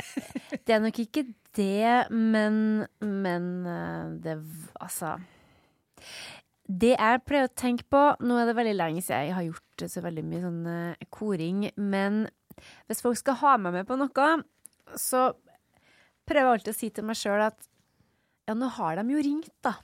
Ja. Så, Mm. så det er klart at de kan jo uansett ikke synes at jeg er håpløs eller dårlig, eller at jeg ikke skal høres, for da Nei. ville de ikke ha ringt Nei. når, så at da Allerede der så bør man jo gå inn i det og tenke at jeg skal nå i hvert fall være her. Mm. og så tenker jeg òg at eh, det er jo aldri noe god idé å på en måte uh, oppføre seg som en struts, som en tidligere sangpedagog sa til meg at hun sa til meg Men den strutsetendensen må du bare slutte med. det blir jo ikke noe av det. Og det er jo sant, for hvis mm. hvis du bare gjemmer deg, så da det blir jo ikke noe til nå. Nei. Men det kan jo være litt vanskelig, da, hvis eh, man har dårlige eh, altså arbeidsforhold. Da, hvis man Mm. har dårlig lytting og kanskje har en litt dårlig dag, og, er, og har en dag der man føler seg litt usikker. Ja, å gud, For det kan, det kan man jo ha, uansett om man egentlig er Mm. bøs, liksom. Ja, ja, ja. Så ja. Og som sagt, sånn, altså jeg er ikke Jeg har ikke noe superselvtillit ever, liksom. Sånn. Men jeg tror ofte på jobb for andre så har det vært litt sånn fake it till you make it Mm. istedenfor strutsen. Så er det bare Og uansett, fordi det er dårlig lytting-greiene, det skjer jo altså sånn Ja. Alltid for lite tid, det skjer alltid et eller annet, og Ja. man er sist på lista. Fordi Mm. sånn Jeg føler meg veldig viktig som korist, men samtidig så er trommis og klikk sikkert Mm. viktigere noen ganger, da. Ja. Så um, fake it till you make it. Mm. Og batteriene går på beltpacken, og da synger man bare videre. Jeg sto på hver gang vi møttes nå på én låt og hadde ikke lytting, liksom. Nei. Jo, fordi vi kom eh, Eller jeg kom, jeg hadde vært på noe et eller annet rart. Eh, så jeg måtte bare komme rett til sending. Skulle liksom få med meg en lydprøve, men så er det noen ferger og sånn, vet du. Ja, med ja, det ja, nye uti stedet de der. skal ha det oppe ved Ja, ja, Kjerringøy. ja, ja. Så det ender nå med at vi må bare gå rett på sending. Og jeg bare Men det går fint, fordi Ingvild har jo vært her, så hun Ja. har sjekka min beltpack. Og det hadde hun. Men når vi kommer der, så er det ikke lyd. Nei. Og da var det bare å kjøre på. Ja. Da er det på med steppeglis. ja, ikke sant? Og så bare synger man. Like Men hadde du noe form Noe du kunne orientere deg etter i det hele tatt? Om så bare en gitarramp, eller var alt på Nei, det var jo noe lyd i rommet, ja. Det var noe Litt lyd i- grann. Mm. Så, og så hadde jeg jo jeg hadde, Ja, det var jo noe fra et eller annet sted. Ja. Men sånn meg selv hadde jeg ingenting av. Nei, nettopp. Og det er en vill følelse Ja. når du bare Det er jo heldigvis ikke live, da. Nei, Så, men Men hadde det allikevel. ja. ja, for det er jo de to, to uh, takene man gjør, da. Ikke sant?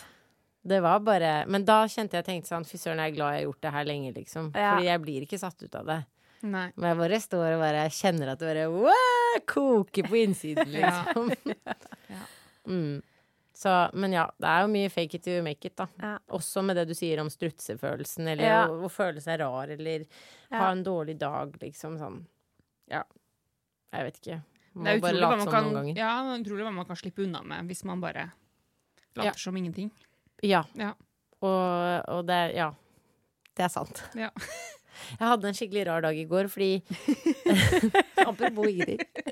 Jeg var på min første sånn eh, stemmeprøve til dubbing. Jeg har aldri Ja. vært i nærheten av det her. Å, så kult! Og apropos det å føle seg usikker og ha en litt rar dag, så eh, Jeg er jo redd for alt som er nytt, ikke sant?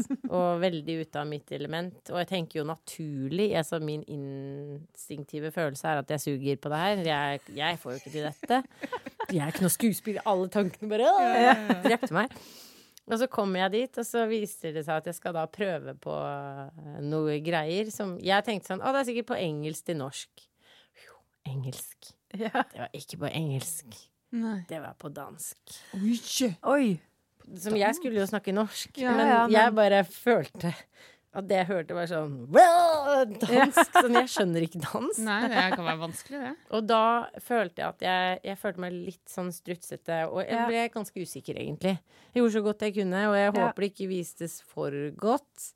Men, men altså, uansett noen ganger så er det helt umulig. Så bare ja, ja, jeg lo jo litt av meg selv da, og gjorde så godt jeg kunne. Og følte ikke det gikk veldig bra. Tror det gikk helt ok, fordi man tror jo ofte verre enn Ja.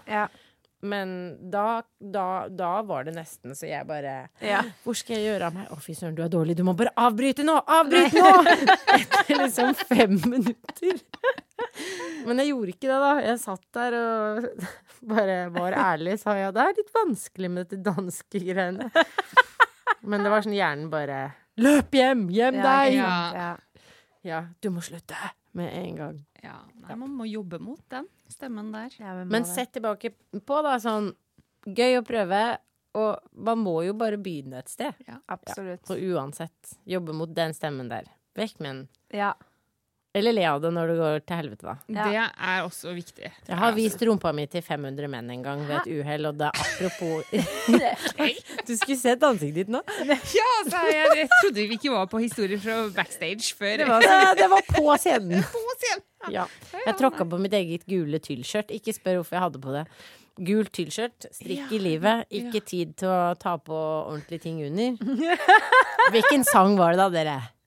Gitchi, gitchi, chia, ja, da, da. Lady Marmalade. På en event. 500 menn i salen. Og jeg skal synge de lyse skriketonene der. Ja, ja. Rett før det så er det sånn hei, hei, hei, oppgang, hei, hei. Det Tar et skritt bakover, tråkker på skjørtet mitt. Og bare Skjørtet er rundt anklene. Ja. Og jeg står i en sånn sidelengs skiposisjon, du vet, med rumpa ut, liksom. Og det blir helt stille. Nei! Jo. Og så begynner noen å le og klappe og plystre og sånn, da, men alle andre på scenen var helt sånn Stoppa bandet å spille, eller? Nei, de spilte jo, min venn, det var ikke band. Nei! Det var singback. Nei, nei! Dette er lenge siden! Det var kjempetidlig i min karriere. Men jeg er veldig glad for at det skjedde, fordi etter da så tenkte jeg sånn Nå kan det ikke gå så mye verre. Ja, nå kan det bare gå oppover. Og det har hjulpet meg så mye. Ja. Kan ikke bli flauere enn det, liksom. Så, Men jeg, jeg tror det er veldig sunt. Og også kanskje Ikke at jeg unner deg en sånn opplevelse nå, eh, nå igjen, men, men det der med eh, å kjenne på også når man på en måte har kommet litt, litt opp i åra og Mm. har en god del erfaring, at man også kan gå på trynet da òg. Mm. Jeg tror det er litt sunt innimellom å få den Ja. eh, Ja, å få en litt sånn eh, Å ja. Mm. Og så At man må le litt av seg sjøl, og man må le litt av situasjonen. Og så, og så må Ja. man også ja, forberede seg, ta på seg ja. under... Ta, det, passe på hva slags Ja, man har Mm. tid til å ta på undertøy. Ja. Jeg vet ikke, du hadde kanskje jeg hadde undertøy? Jeg hadde noe, men det var ikke så mye. Nei, jeg skjønner. Jeg skjønner. Så, ja.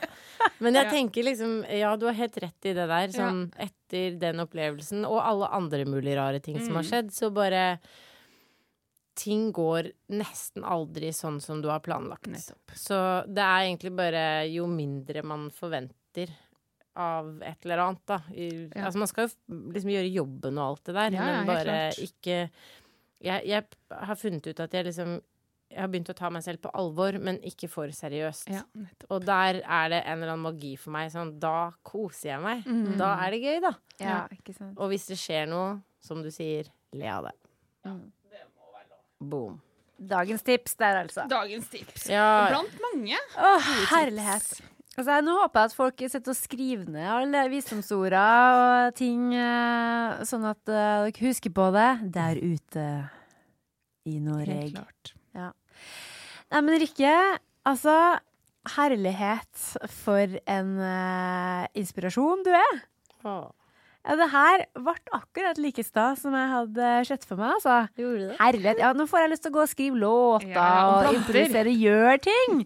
Ja. Å, Det fantastisk. blir jeg så glad for. Ja, Det, det vil jeg at uh, sånn skal det være. ja, ikke sant? Ja, man skal bli inspirert av Ja. hverandre. Ja. Nei, det her har vært en, eh, en, en reise. Det må jeg si. Samme. Ja, så bra. Jeg kunne skravla med dere i Ja, ikke sant, det er timevis. gøy. Ja, det er gøy å være her hos oss. Ja. Ja. Ja. Nei, men vet du, nå skal jeg få lov til å bare takke for at du kom. Tusen takk for at dere ville ha meg på besøk. Veldig Ja, selvfølgelig. Det var altså så stas når du sa ja.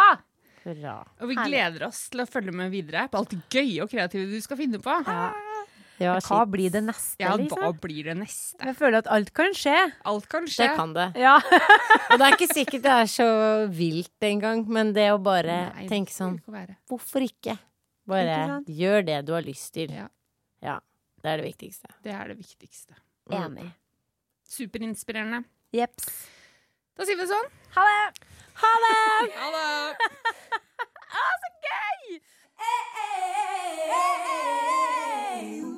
Du har hørt Vokal til folkets podkast med Karina Fransen og Mari Klingen. Besøk oss på vokaltilfolket.no. Finn oss på Facebook og Instagram, og gi oss gjerne ei stjerne i iTunes. Vi tar gladelig imot tilbakemeldinger, tips og innspill. Så ikke nøl med å sende oss en melding. Vi snakkes!